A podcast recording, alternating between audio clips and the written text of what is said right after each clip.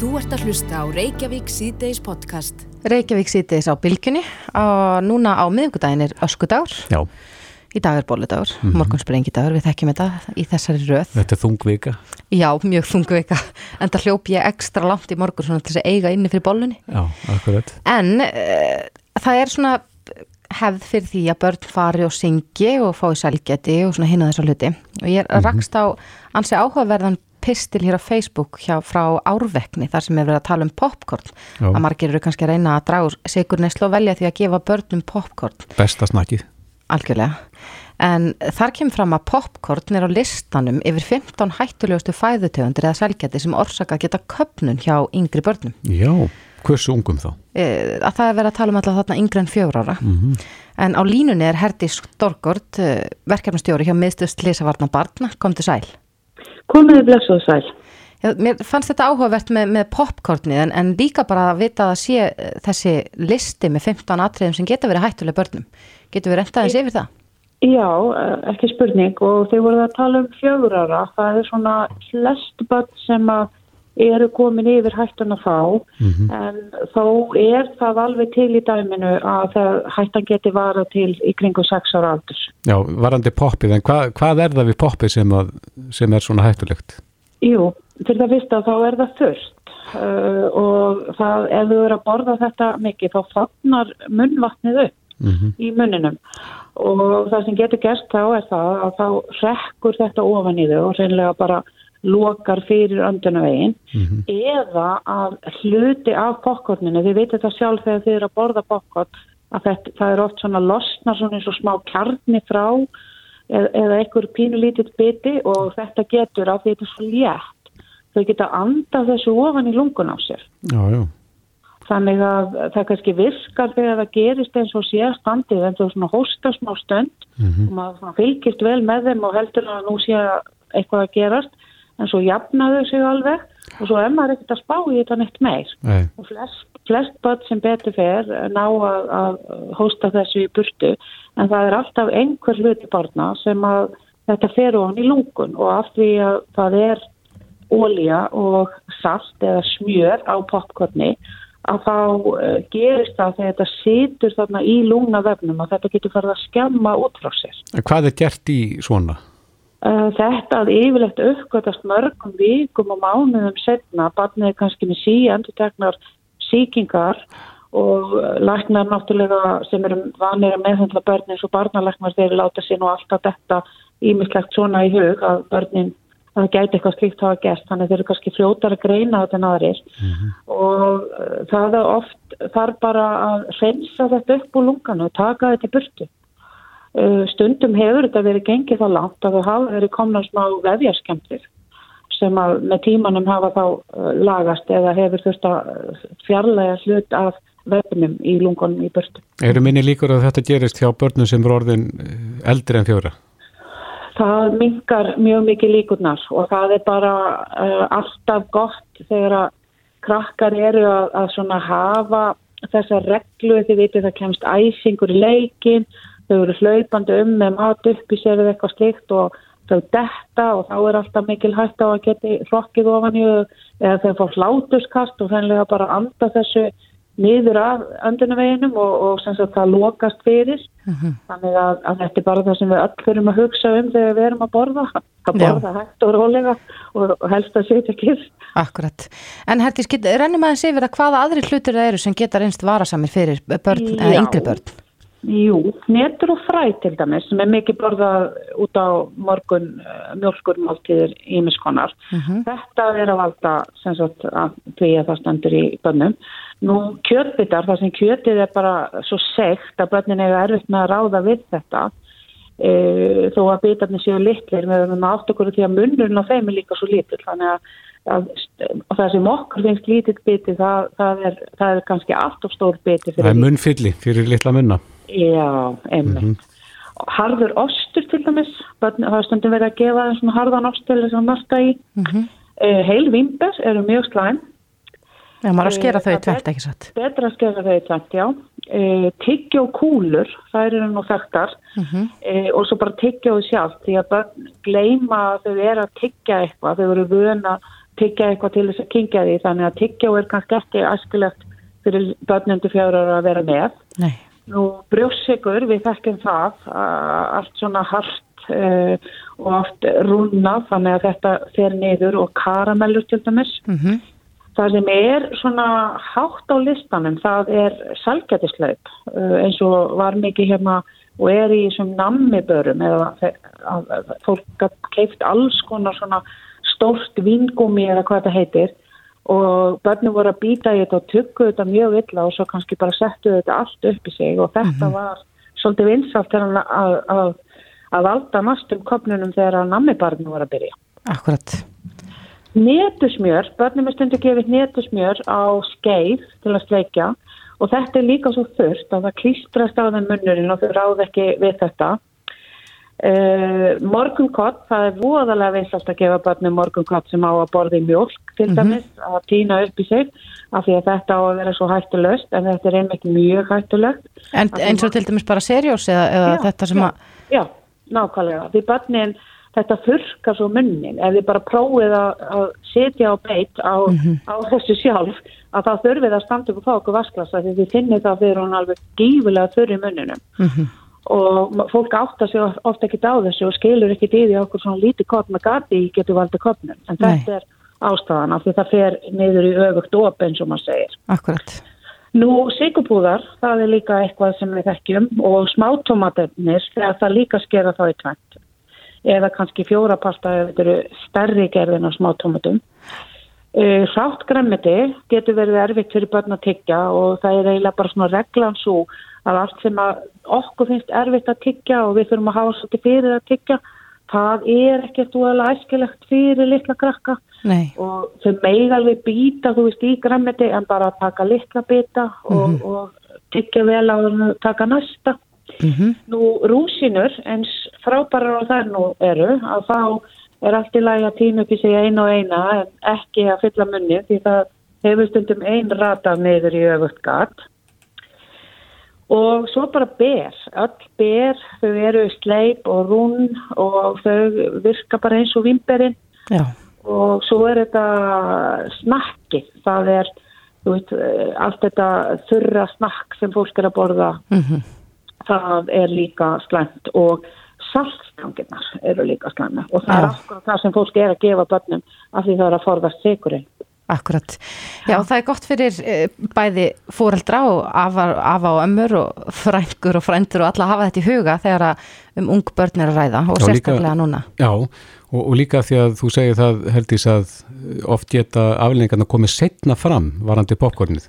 Já, já, það er, það er ímislegt svona sem getur farið onni börn uh, ef, að, ef að eitthvað sem sagt fer af Já. uh, mat eða hluti af mat fer þarna niður og situr þarna að þá, þá, er það, þá er það mjög hættulegt og það hafa alveg verið tilfelli hérna á Íslandi í kringu tíðina og það er líka kannski að því að spyrja með þetta á lungun þá er þykir það bara allt í lægi svona gamla sögursagnir að börn sé að borða sand. Þau eru svona náttúrulega á þessu aldrei þar sem þau eru að setja mikið að sand upp í sig Mhm. og fólki finnst þetta allt í lægi því þetta skila sér út í bleiunni en þetta er nefnilega ekki allt í lægi því sandurinn, hann er gífulega hættulegur þegar það kemur að þessum vandamálum þar sem að eitthvað fer í lungun.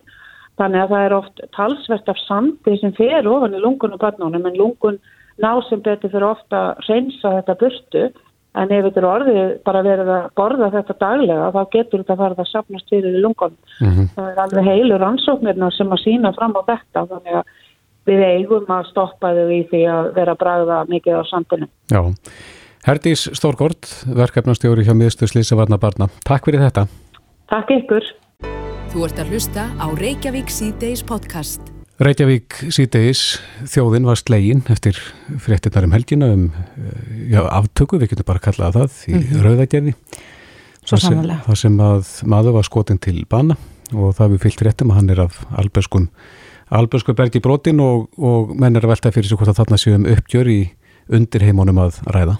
Já, það hafi verið allavega sögursagnar á kreiki um það og, og þetta eru þetta skelvilegar lýsingar, Mhm. maður hefur heyrt af því að, að nágrannar þarna í rauðagerði eru, eru sleiknir við þessum fréttum en uh, það hefur líka svona borist í talsa að það sé kannski ákveðin harka að færast í, í að glæpi Já, og, og mögulega skipula glæpastarsemi. Já, þetta er í það mista nýr veruleiki sem blasir við okkur, svona mm -hmm. þessum almennu borgurum, en Vilhelmur Átnarsson, þingmaður og fyrirvendir lauruglumadur er á línunni, kom til sæl. Já, komið sæl. Já, hvernig blasir þetta við þér sem að þekkjum ákveðlega til í, í þessum heimi?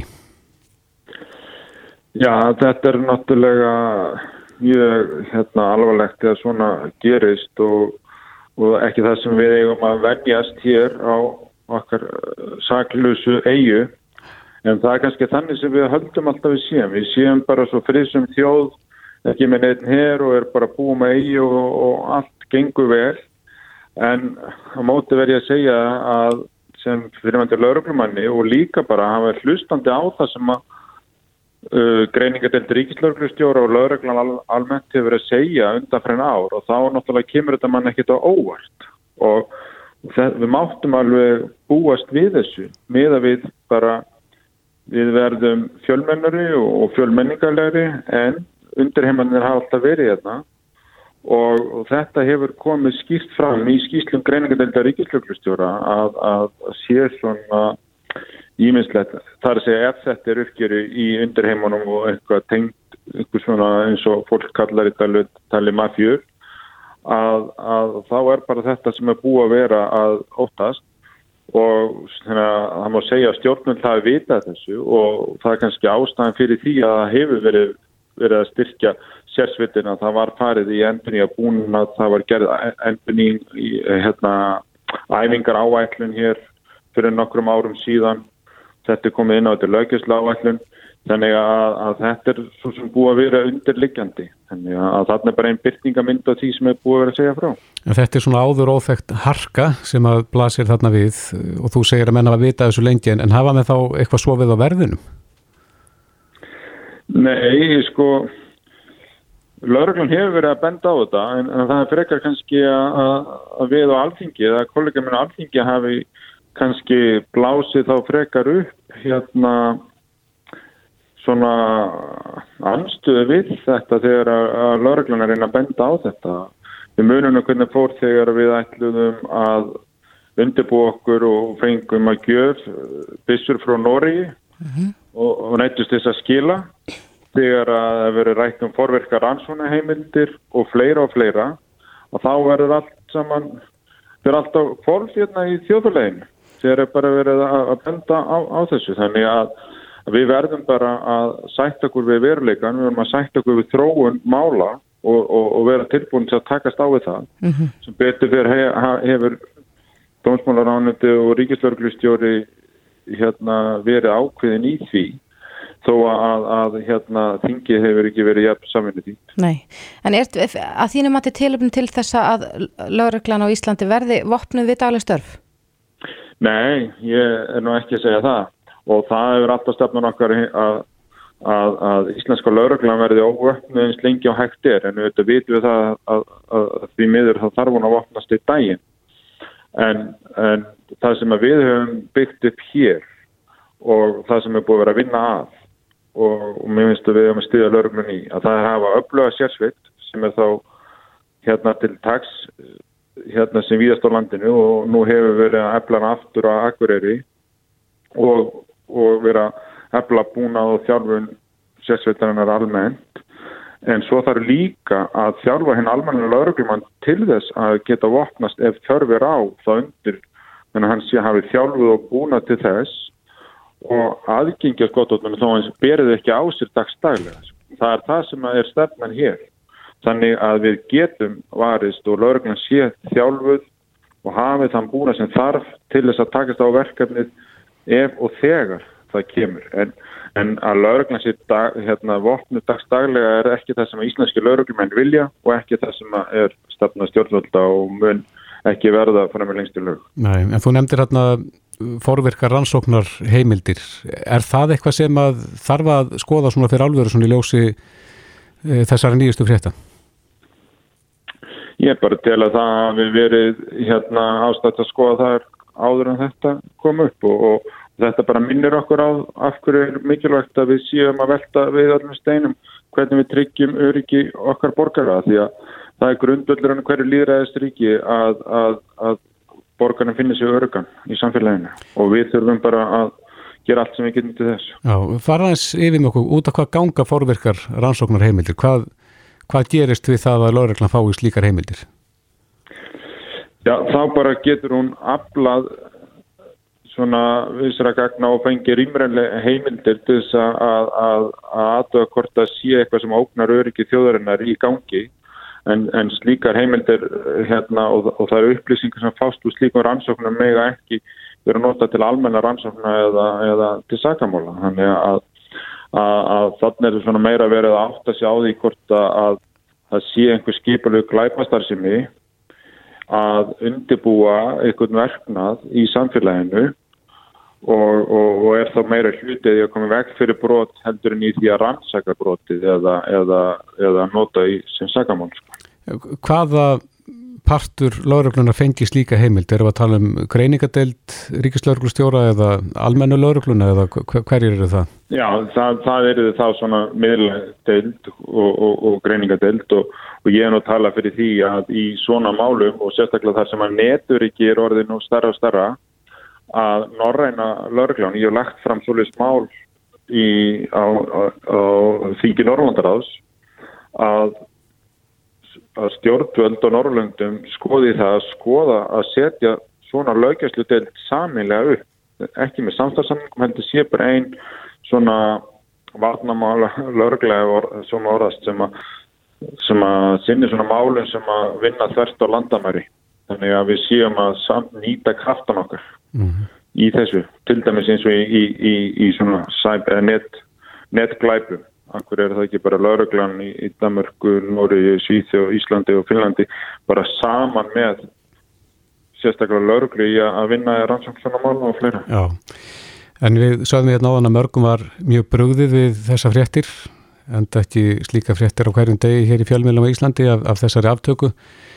En uh, hefur þið heyrt í þínum gamlu félugum, lauruglumönnum, hvernig er þeim ekki líka bröðið? Jú, þeim, þeim er náttúrulega ekki sama og, og, og þetta veldur náttúrulega óhug eins og ég segi að, að þetta er kannski eitthvað sem þeir hafa samt alltaf búist við og, og vitað að og hérna og vilja bara fá þann stöning sem þarf til þess að, að takast á þetta og örgan hátt bæði til að tryggja sitt eigi öryggi og líka til að tryggja náttúrulega öryggi borgarana. Af því að það hafa allir örglumenn 100% metna fyrir því. Mm -hmm. Já, þetta er óhagnulegt mál. Vilhjálmur Árnarsson, þingmaður og fyrirvinandi örglumæður. Kærar þakki fyrir þetta. Já, takk fyrir sem leiðis. Hlustaðu hvena sem er á Reykjavík C-Days podcast. Reykjavík C-Days á bylginni eh, heldur áfram. Áslöfarna Sýðubjörnstóttir, dómsmálar á þeirra er komin. Velkomin. Takk fyrir. Það er enn og aftur uh, stóra bruggmálið. Já, það er alltaf eitthvað til umræðu sem áfengislega hún gengur hansi hægt að breyta henni þannig að það er sífælt umræða um, um þetta frumarp. Já, við erum svolítið íhald sömu upp til hópaði það ekki? Jú, jú við, við erum það og höfum verið það. Uh, það má alveg sjá af sögunni þegar lesið ræður 1989 þegar það var verið að afnema bjórbannið. Mm -hmm. Það var nú bóðað alveg eins og hér er þið bara allir ösku fullir á gödunum og það var ekki hægt að vinna hér 8-4 lengur og, en það er nú þannig að öll bönn sem ekki virka það er komist hjá þeim og þá er nú betra að hafa lögjöfuna þannig að hún sé skýrari og sé góð fyrir íslenska aðila bæði atvinnurekstur eins og brugghús en líka auðvitað mínumatti, innflytjendur og íslenska verslun mm -hmm. sem auðvitað lögjöfun í dag gerir ekki án þess að við séum að breyta hlutverki á tjóðaferð e, þannig að ég held að með mínum tilum allavega hef ég verið að nálgast þetta með ákveðni millileið á milli svona þessara aðhaldsamra stefnu og frjálslindis þessum málum. Á morgun fer fram umræðum um, þetta frumvarp. Já, og Ertu það verður þá... Erstu bjart sín á... Ég bjart sín á, það var brugghúsbreytingin sem gerir það verkum að þessi litlu brugghúsum alland sem eru í yfir 20 sveitafjölugum og gerur þetta mjög mikið fyrir lítil byggðalög uh, geti selt sitt áfengi út og það taldi ég vera svona eh, til að koma til mótsvið ákveðin ferðamanna eh, ströym sem þanga hefur leitað og vilja fólks til að styrkja við Íslandst þetta er mjög lítill af eh, heldar bjórframlegslu þar sem þetta eru svona handversbrukús og hérna og, en ég ætlaði líka að leggja til breytingar á netveslun sem fór ekki gegnum ríkistjón en ég vona að það kom nú eitthvað til umræðið þinginu og mögulega breytingatillaga ef um, ég fæ fylgi við það. Hefur þið heyrt eitthvað í forsvarsmennum samtaka Íslenskra handverksbrukkhúsa sem að voru í raun og veru að hvetja þið til þess að Þau eru mjög ána með að frumarspið sé komið á uh, Dasgrau Þingsins. Mm -hmm. um, auðvitað eru einhverju þar sem voru að binda voni við einni netvæslununa til þess að hjálpa þeim að selja bjórin sinn víðum land af því að þau fá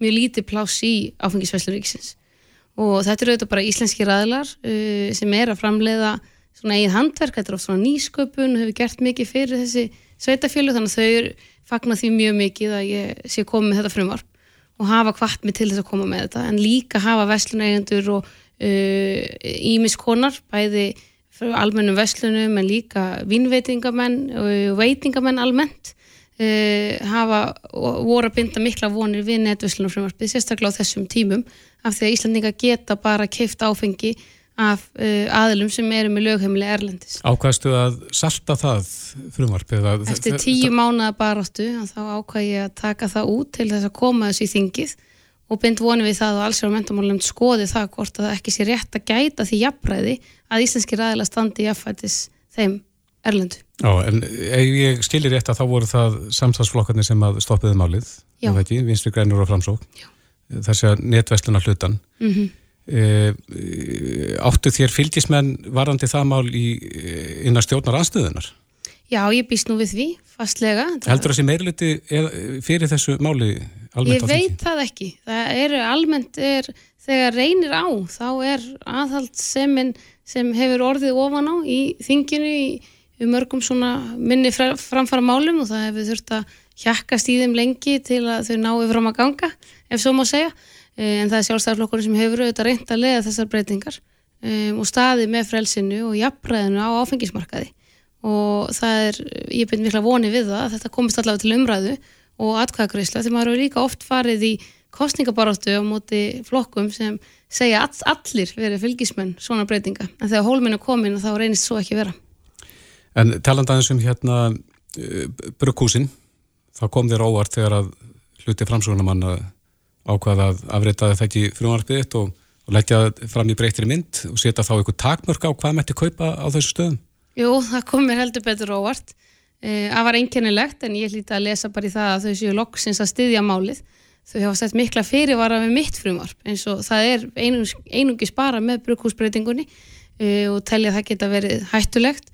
E, en á sama tíma leggja þau fram eiginlega alveg eins frumvarp en að þú mótt bara kaupa eina kippu ég veit ekki alveg hvernig Hvað finnst þér um það? Um, ég, þetta er svona skrítin leið til að opna á að því þetta er engin raunverulegur stuðningur við þessi brugghús. Að geta selgt síðan þrjá bjóra sem eru yfir einhver ákveðnum prósentu og sex bjóra uh, venjulegum bjór. Um, hvað á að líða langu tími á milli? Ef þú mætir nú í brugghúsi stæðja áttu að, á að líða tímindur hálftími, klukkutími, fimm klukkutímar og ég er alveg að nýta lögröglun í það að það sé bannað að selja þér tvær kippur eða þrjár af einhverjum bjór sem þú getur kipt út í vinnbúð en oftast þá bara ekki þessa íslensku litlu framlegslu. Þannig að mér finnst þetta auðvitað afar skríti frumvarp og eru auðvitað þingmanna mál og skil ekki af hverju þessa breytingar komið þó bara ekki fram í nefndinni eins og gertir með en það fær máli mitt fyrir framgangi í þinginu en það mál sem kemur frá ráðherra. Mm -hmm. Við fylgjum með því hvernig þetta mál fer en, en Ég vona bara að þetta leiði til þess að þau samþykja allavega mitt frumvarp líka. Akkurat, en við heyrðum hérna áðan í Vilhjálmi Árnarsinni og við vorum að ræða hans þetta hræðilega mál í rauðagerði sem að áttrýstaðum helgina þessum ungur maður eða maður að færtusaldri var myrstur fyrir utan heimilisitt. Um, við höfum verið að tala um að, að möguleg hark, að harkan sé að aukast í undirheimum og skipulög glæpastar sem er orðin já, meiri og meira ábyrrandi hérlandi finnst, er, er það þitt mata að lauruglan sé nóg vel búin og að, að nóg vel mönnu til að takast á við slíkt? Það hefur verið mitt mata að það væri full ástæða til þess að auka viðbúnað og sérhæfingu lauruglunar í aðgerðum gegn skipulari brotastarfsemi og það var bara í oktober síðastlinu sem ég laði ríka áherslu á það í brefi til allra lauruglstjóra á landinu að þessi mál fengi forgang og næjanlegan mannabla varið í þetta verkefni og atbyrju helgarnar eru vissulega áhugjefni og við erum líka að sjá aukningu á uh, tilkynningum um vopnaða einstaklinga til örglunar og þá meðal útköll um, og ég held að það er mjög margt sem við höfum verið að gera til að bæta úr þessari stöðu og við munum halda því áfram. Það sagði það að Vilhelmur að það væri þarf á því að þjálfa almenna lauruglumenn upp í það að geta vopnast ef á þarf að halda. Já, lauruglumenn eiga auðvitað að hafa réttan og fullnægandi búnað uh, til að tryggja öryggi almennings og öryggi sitt en ég held að þessir atbyrði leiði ekki til þess að breytt veri frá þeirri svona megin stefnu aðalsmerk sem er aðalsmerk í íslensku lauruglunar að almenni lauruglumenn síu almennt vopnaðir. Nei, hann einmitt sagði það að það var ekki vilji lauruglumann að gera það og eftir hann að halda því sem lengst. En, en að geta vopnast ef að uppkoma aðstæður. Já, eins og ég rauða að gera það sem að eh, skotmaðurinn gekk síðan laus á eftir Já, og við erum auðvitað með til staðar sérhæfða sveit laurglumanna sem getur gripið inn í atbyrðurás þegar þau kemur, kemur og er kölluð út alltaf þegar það er uh, vopn í útköllum. Um, en ef það er ekki til taks eins og til dæmis uh, á landsbyðinni á einhverju stöðum og þá hefur uh, hinn þróunin verið að laurglumann verða að geta vopnast ef svopur undir. Um, en við höfum líka verið að styrkja sérsveitina á Akureyri til að mynda svo að við séum betur búin uh, þessari, hérna, þessum aðlum allstaðar á landinu. En er það að gera betur? Já, það er alltaf að gera betur. Hvað þá? Við höfum verið að styrkja og efla tæknibúnað lauruglunar, við þurfum að auka fræðslu í þessum málum, uh, við þurfum að auka samhæfingu stopnana og allra lauruglulega landsins í þessum málum um, og síðan auðvitað er, um, við þurfum bara svona að skoða þessi breytingar á útköllum nánar og það er við að gera með lauruglunni um, það má auðvitað reykja til breytinga á eðli brota og svona samsetningu brotamanna hérlendis. Og ég held að við þurfum að klára nýjar verklæsreglur og við þurfum að bæta ennfrekar í búnaðin og það er það sem við höfum verið að gera. Það hefur líka verið kallað eftir uh, heimildum til forvirkra rannsóknar vinnu uh, Hvar standa þau mál? Uh, já, það hefur svona kannski svolítið langt síðan það komst almennilega í umræðuna síðast en En í samfélaginu, við, við eigum auðvitað að hafa við þurfum að bera okkur saman við önnu Norran ríki og ef við stönd, erum eftir bátar eh, þá þurfum við aðtóða það hvort við þurfum að tryggja lauruglunni uh, auknar heimildi til slíks og uh, það hefur bara verið í skoðun. Er það þitt mat að þur, þess þurfi? Ég veit ekki alveg núna, það hefur ekki verið á forgang svona aðgerðalista uh, ríkislauruglustjóra í þessum aðgerðum, við hefum verið að einblýna á að byggja upp tæknibúnað og getur lauruglumanna til að takast á þessu og uh, það hefur verið gert með ýmsum hætti og settir sérstakir fjármunir í það og síðan hefur við hérna, verið að setja álaginnar svona vinnu til að samræma og samhæfa uh, þessi, þessar aðgerri lauruglunar og það hefur verið forgangsmál til að styrkja getur lauruglunar til að takast á við þetta og það er auðvitað þannig að við viljum vera fullbúin til þess að geta gripið inn í og tekið á og auðvitað reynda bjarga mannslífum þegar það er undir. Mm -hmm. Það er nóg að gera hjá ráþörum, býst ég við. Hljómar alltaf að þannig. En þú ert líka að láta til þín taka á samfélagsmiðlum. Frétti af að, að þú ert farin á stað með viðtalaröð sem heitir 15 mínútur með framúrskarandi fólki. Já. Þú þetta... hefur, þetta eru tveir þættir sem eru komin, er það ekki? Jú, ég byrjaði að tala við Erna Solberg, fósinsræður á Noregs og talaði þess að Katrín Tönju. Ég var bara að hugsa leiðir hvernig ég geti nýtt samfélagsmiðluna mína til góðs fyrir allt unga fólki sem er að fylgjast með mér og er orðin svona á Instagraminu þar sem kannski flestir eru um, og þar hef ég svona verið að reyna að fá framhúsgarandi fólk til að tala við mig í 15 mínútur hvernig þau hafa náð árangri bara frá, á mismundi starfsviðum sem eru að sinna mismundi verkefnum en hafa náð langt í lífinu mm -hmm. og til að gefa bara ráð og, og heyra frá þeim og það hefur verið afar gaglegt að tala við þær Erðin Solberg og Katrín Tönju og ég ætla að halda þessu aðeins áfram. Og næstur í rauðin er, er heimstaktur rítufundur? Já, það er Dan Brown, meðsölu rítufundur, sem skrifaði nú Da Vinci Code sem flestir ætti nú að kannast við. Mm -hmm. Hann er líka Íslandsvinnur og heldur mikið upp á Íslands og hefur komið hérna reglulega. Kom hann ekki inn í sumar? Jú, hann kom inn í sumar og fannst mjög gaman að geta svona frjálstöfustrókið frá COVID og, og verið hér á Íslandi og notið Íslands. Hittur hann? Ég hitt hann og við rættum hestamennsku. Hann er mhm. hérna, mikill áhuga maður um hesta. Og... Bæðstunum að bak? Er ég gerði það en hann fór ekki að baki þetta skipti. Hann áða inni. Kanski næst. En hvenar megu við, eh, semst, hvenar fáum við að heyri honum með að sjá hann inn á Instagram hjá þér? Er það næsta 50 dag á Instagraminu mínu áslögarna og við ætlum að tala saman í 15 minnur klukkan fjúr og það hefur bara verið mjög gaman hvað vel í þetta tekið og hvað þetta hafi verið skemmtilega samræður og þetta er auðvitað einn leiðin við stjórnmálamenn þurfum að færa fólk nær okkur og sína að við erum nú bara nýta meðlan okkar á margvíslan hátt Erst þú, að, erst þú svolítið að reyðja brautina í þessum efnum til dæmis eh, í ríkistjórninu, kannski virkust á samfélagsmiðlum? Ég vil bara gera hlutina aðeins öðruvísi. Ég veit að svona Uh, það skiptir máli að vera með stutt og skýr skilabóð, það skiptir máli að vera sínilegur en líka bara ef ég ætla að hvetja ungt fólk til að taka þátt í pólitík og sína að það skiptir máli að það sé skemmtilegur vettvangur til að starfa á, þá þarf maður líka að sína svolítið frá sínu lífi og að stjórnmálumenn séu aðgengilegar personur og mannleg. Og, mannleg, og það er það sem ég reyna að gera með, á mínum miðlum og reyna að vera á öllum samfélagsmiðlunum og sína frá því, svona bæði það sem ég er að gera í vinnunni, setja það fram á einfaldan hátt og og það eru auðvitað líka mikilvægt að fólk sjáu hvað ráðherrar og allir stjórnmálamenn séu að við það vast á hverjum degi. Mm -hmm. Áslögu Arna Sigurbjörnsdóttir, Dómsmálar ráðherra, takk fyrir komina. Takk fyrir mig. Jæja, Reykjavík síðdeis. Það er alltaf beðið með eftirvendingu eftir nýjasta útspili Þóróls Gunnarssonar, svo talanlegnis. Algjörlega, en nú hefur hann skilað, hann skilaði mig gær, nýjum tilögum varandi aðgerir á landamærunum til Svandísas Fáastóttur, helbriðs ráðherra. Já. Þórólur er á línunni, kom til sæl. Sælveriði. Já, það er þessi fíni árangu sem er, uh, við höfum náð hérna innanlands, upp á hverju stingur varandi landamærin? Já, þetta er spennu sagan mikla sem er óendanlega alveg. Og það er að dragast mjög, mjög lengi. Nei, það er náttúrulega bara þessi atrið sem ég hef verið að minnast á uh, undanfarið sem að eru fyrsta lægi að hvort að, hvort að ég að fólkum um, um hérna, neikvægt vottor þá er hann að kemur eins og flest lönd í Evrópu farin að gera Tilur skynsanlegast að gera það?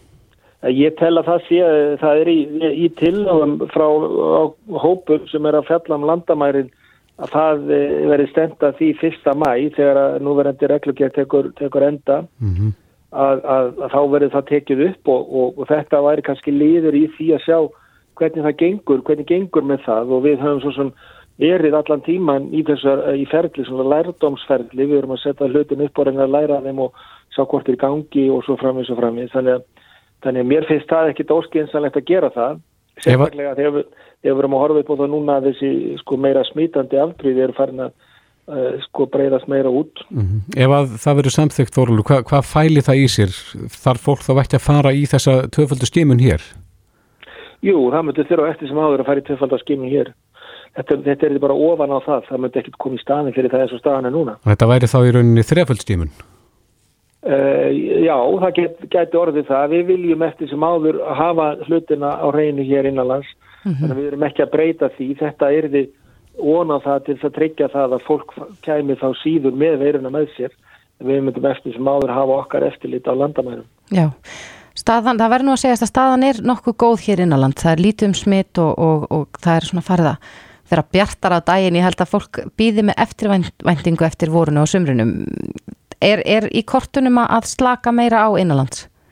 Jafnvel samlega já, þessu?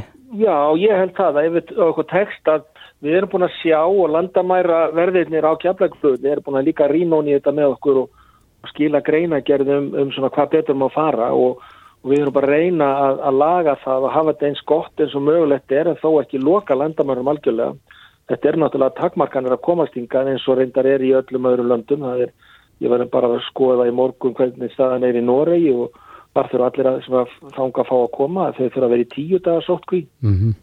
og, og þannig að, að, að það eru bara allir að herða. Það er allir, öllum ljóst að vandin stefjar að utanfrá. Það er að segja það sem að mikil útbreysla er og fólk getur borðið með sér veiruna og sérstaklega þegar við umtalans við þessi meira smítandi afbríði þá, þá, þá, þá rýður á að reynast komið veg fyrir það með að verðum að reyna að ná góðu ónæmi hérna upp með, með uh, bólusetningu.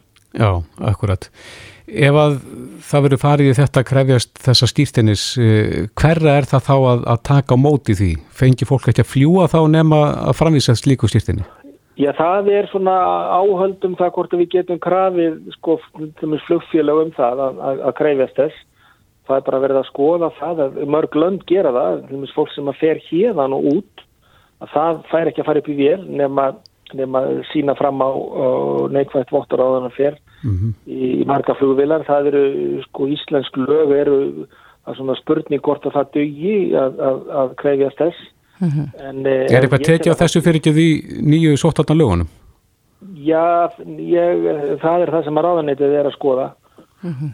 Ég er ekki lagfræðingur þannig ég get ekki alveg svaraði en, en, en tilgangur með því að breyta lögunum var náttúrulega sá að reyna að, að standa á tröstari fóttu með ímsar svona aðgerður og ég vona að það sé þannig þegar áreinir. Já, Nýja Sjáland hefur verið aðeins í umræðinu núna síðustu daga en um helgina greindust þrýr innan fjölskyldu með kórnuveruna í Okkland og það var greipið til þess að, að loka strax, að grípa strax til nokkuð hardra aðgerða. Eh, Sér þið fyrir að þetta gæti verið raunin ef að upp kæmu já, hópsmitt eða smitt hér á landi? Það er, kannski, það er bara erfitt að segja nákvæmlega til um það. Það fær aftur eftir því hvað hvernig þetta stæði af sér, sko, hvernig aðstæðu væru, hvernig smittin hefur komið upp og svo frammeins. Við höfum náttúrulega verið alltaf með nokkur smit í gangi nema upp á síkastið, þannig að við höfum ekki verið að loka öllu. Ef að hins vegar færi, færum alltaf að sjá sko, svona uppseiplu eins og við sáum í triðjubilginu, þá erum við náttúrulega með reynslu úr hvernig við bröðumst við þá og, og það er spurningi hvort, að, hvort, að, hvort við myndum ekki nýta okkur það. Við höfum aldrei farið í eitthvað lockdown hérna. Nei og, og það, ég held að það sé ekki laga grundvöldu fyrir því eins og staðan er núna, var tekist á en það er þingin en það fór ekki inn í, í sótanarlegin. En með því að herða eh, tökinn á landamærunum eins og þú stingur upp á, eh, sérðu fyrir að mætti þá slaka enn frekar á fjöldatakmörkunum hér á innanlands?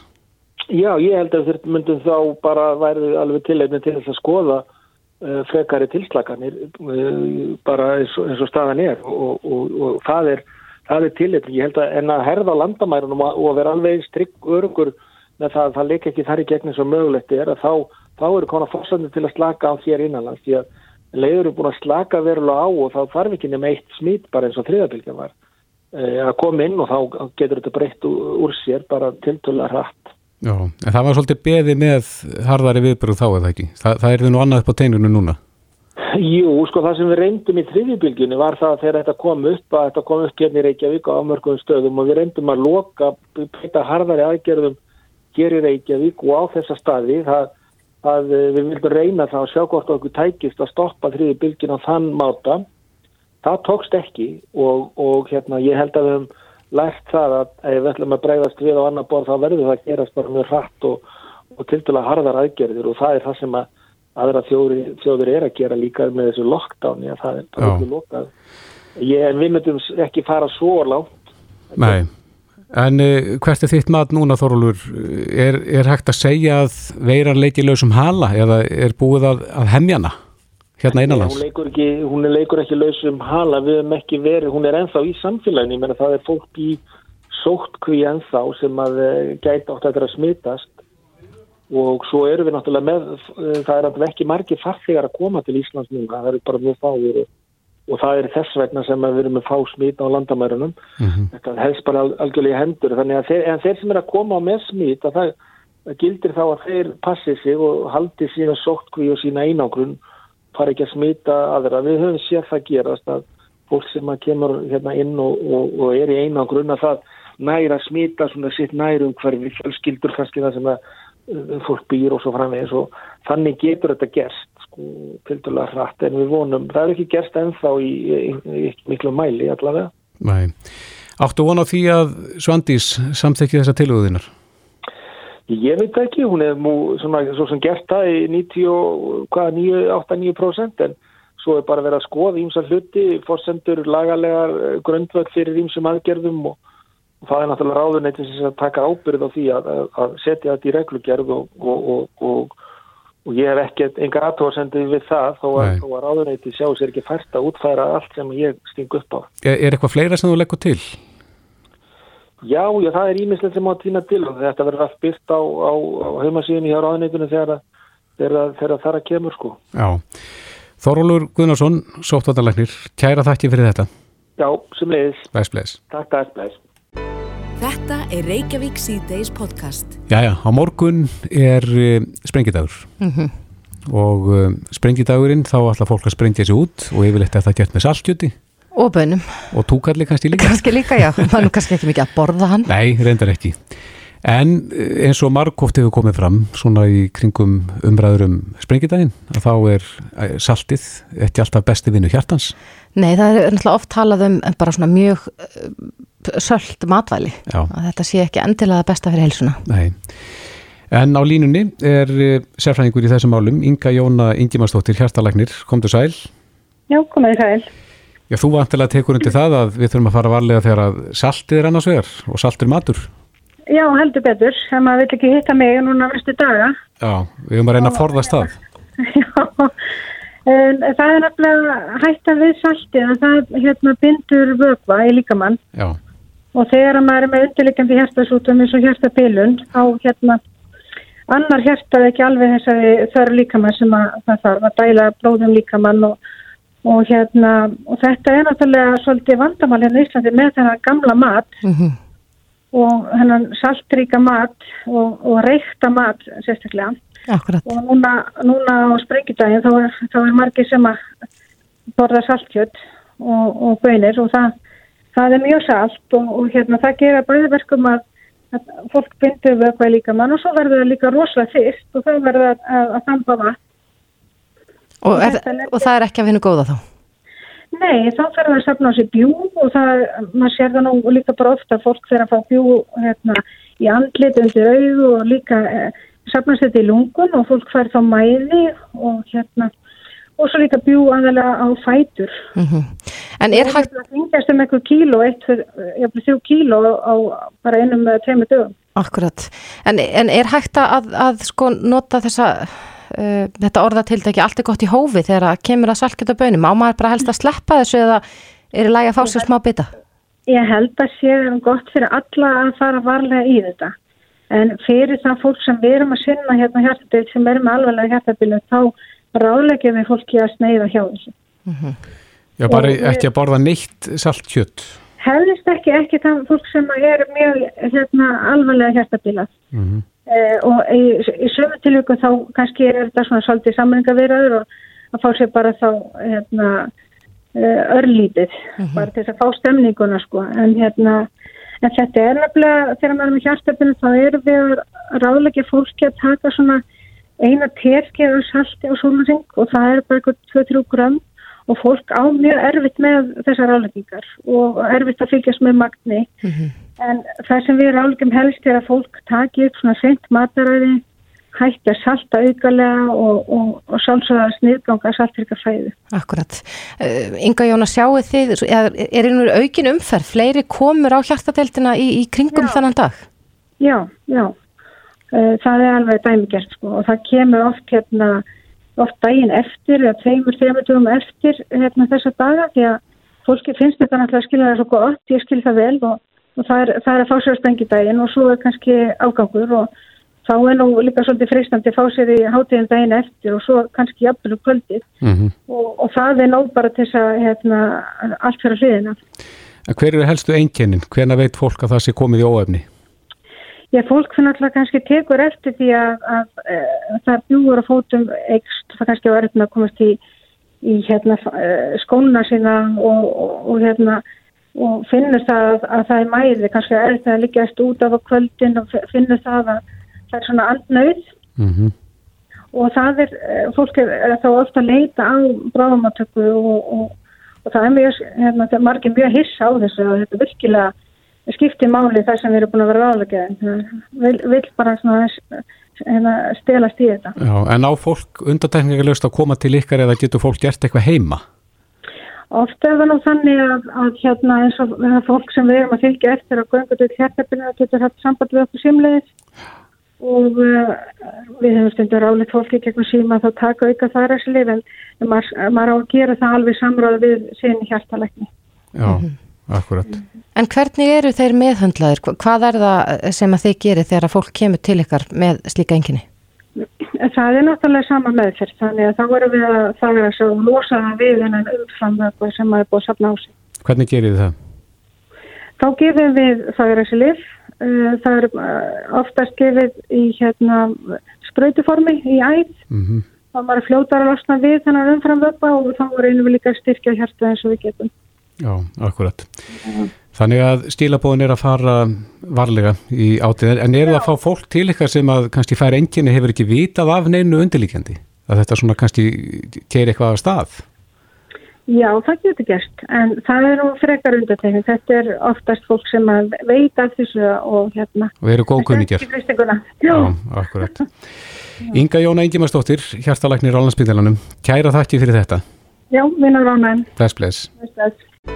Reykjavík síðdeis á Bilginni podcast. Reykjavík síðdeis á bylginni heldur áfram.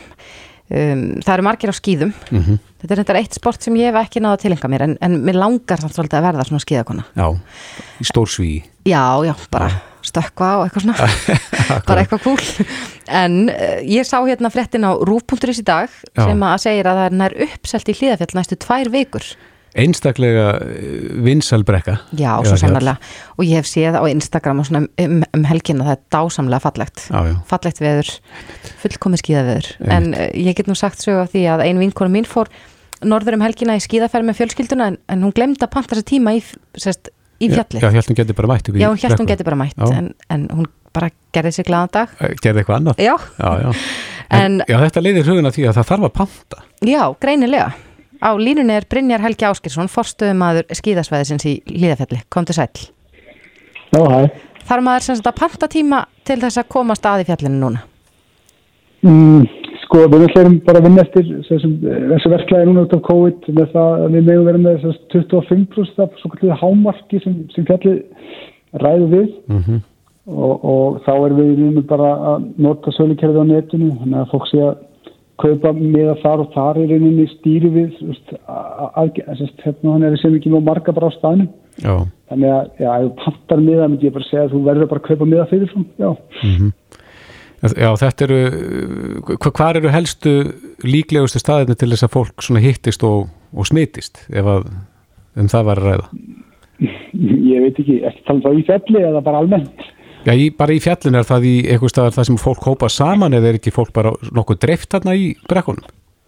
Jú, náttúrulega kannski svona, það náttúrulega er ekki opið í veitinga, þú veist, að hérna fólk getur ekki komið inn og fengið sér í rauninni hérna, veitingar á, á hótelunum eða í, hérna, á sæðinu, það þarf að komast þetta í það bara bara í bíl mm -hmm. en svona þessar hópamyndin eru kannski bara í rauninni við miðasölur, við skíðalegur við, við raðir í, í hérna í liftinnar en þannig að við höfum í rauninni beð bara fólkum að vera með grímu þegar það er á þessum sæðin En maður þarf ekki að vera með grímur þannig að þegar maður skíðar?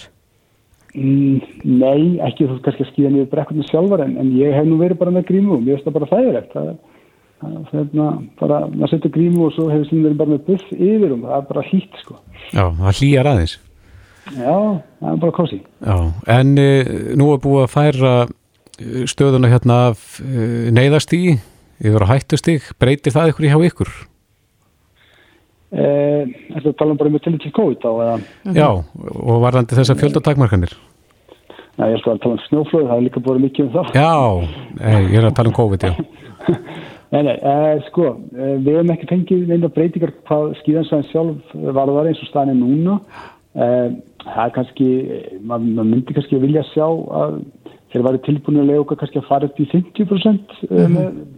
fjölda sérstaklega því að sko vetrafríðin er að byrja og þá hérna vilja hansi margilegja leysina og við sáum þá bara við settum miða í dag í sölu fyrir vetrafríðin og kerfið okkur átti bara í erfilikum með það og við erum með kerfið sem marg skýðasvæði í Európa nota þannig að, þannig að þessi fáum miða sem við settum 600 miða í fyrir hól og 600 miða setni þannig að 1200 samtals það bara var bara sleiðslum á sennilega á netinu og hérna við þurfum sennilega bara að loka aðeins hérna kerfin okkar á miðasölun í dag og og hérna láta það sem þekkja til vinna eins í því og, og, og koma svo aftur með einhverja miði söl á morgun eða eigum. Mm -hmm. En þetta er vanilega bara stór tími fyrir ykkur í, í fjallinu að margir koma uh, úr öðrum landslutum og, og fara norður til þess að fara á skýði. Eh, er þetta, er mikil breyting fyrir ykkur? Þú veist, sér þú breytingu bara á, á, á fjallinu hversu margir eru og þýmlikt? Eh, að þessum mástum að þessi veit að fyrir? Mhm. Mm Já, bara í bænum líka. Þetta er náttúrulega mikið lyftistum bara fyrir fyrirtækjum. Öll þjónustu fyrir því bænum og meitingarstaðir, hótel, það er, er uppbókað í rauninni, má segja, gistingu í bænum bara fram að miður mæ. Þannig að þú veist, maður er búin að heyra það. það hérna, þó að þessar tvær vikur sé að koma núna, þá er fólk að skipuleika sig í páskana, í andriseleikana og þannig að veist, fólk kemst ekkit mikið kannski ellendis á skíðu og við erum búin að heyra af reykingum sem hafa komið allar helgar norður sem hafa verið opið. Þannig að Já, já. Já, við erum alveg að finna fyrir því að, að bláfell er ekki mikið að snjó og við erum með snjó Já, en Brynjar, sömu finnst þetta bara betra fyrirkomala líka og uh, er að uppgöta það að þetta sé jæfnvel bara betra að hafa þetta svona þennan fyrirsjáleik í þessu, að fólk þurfa að panta sér tíma í fjallinu Já, já, semnilega getur það bara alveg verið eitthvað til í því sko. Tekur ekki undir það? E, ég er bara ekkert stjórn nefnt að netta það. Það maður þurfi kannski svona aðeins að hérna, þetta er alltaf ekkert, veist, þetta er mjög þægilt að geta fyrst svæðinu bara gegnum miðarsölu sko e, á netinu. Þannig að, en það er svona, ég held að það er margt sem að maður er eftir að sittast yfir í lók hérna sísun og, og, skoða sko. Mm. Hvað má breyta og hverju má viðhalda og eitthvað svo leið sko. Já, en aðeins að þú nefndir hérna hættu á snjóflóðum, er, hvernig er staðan í því?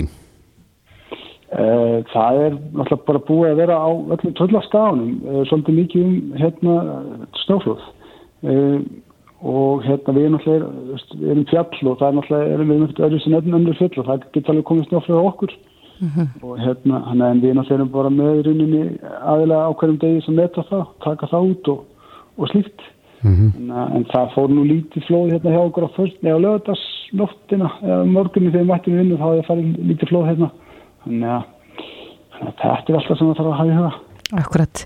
Brynjar Helgi Áskirsson fórstuðum að skýðasvæðisins í Hlýðafjalli Kærar þakki fyrir þetta og gangi ykkur vel. Takk hjá Reykjavík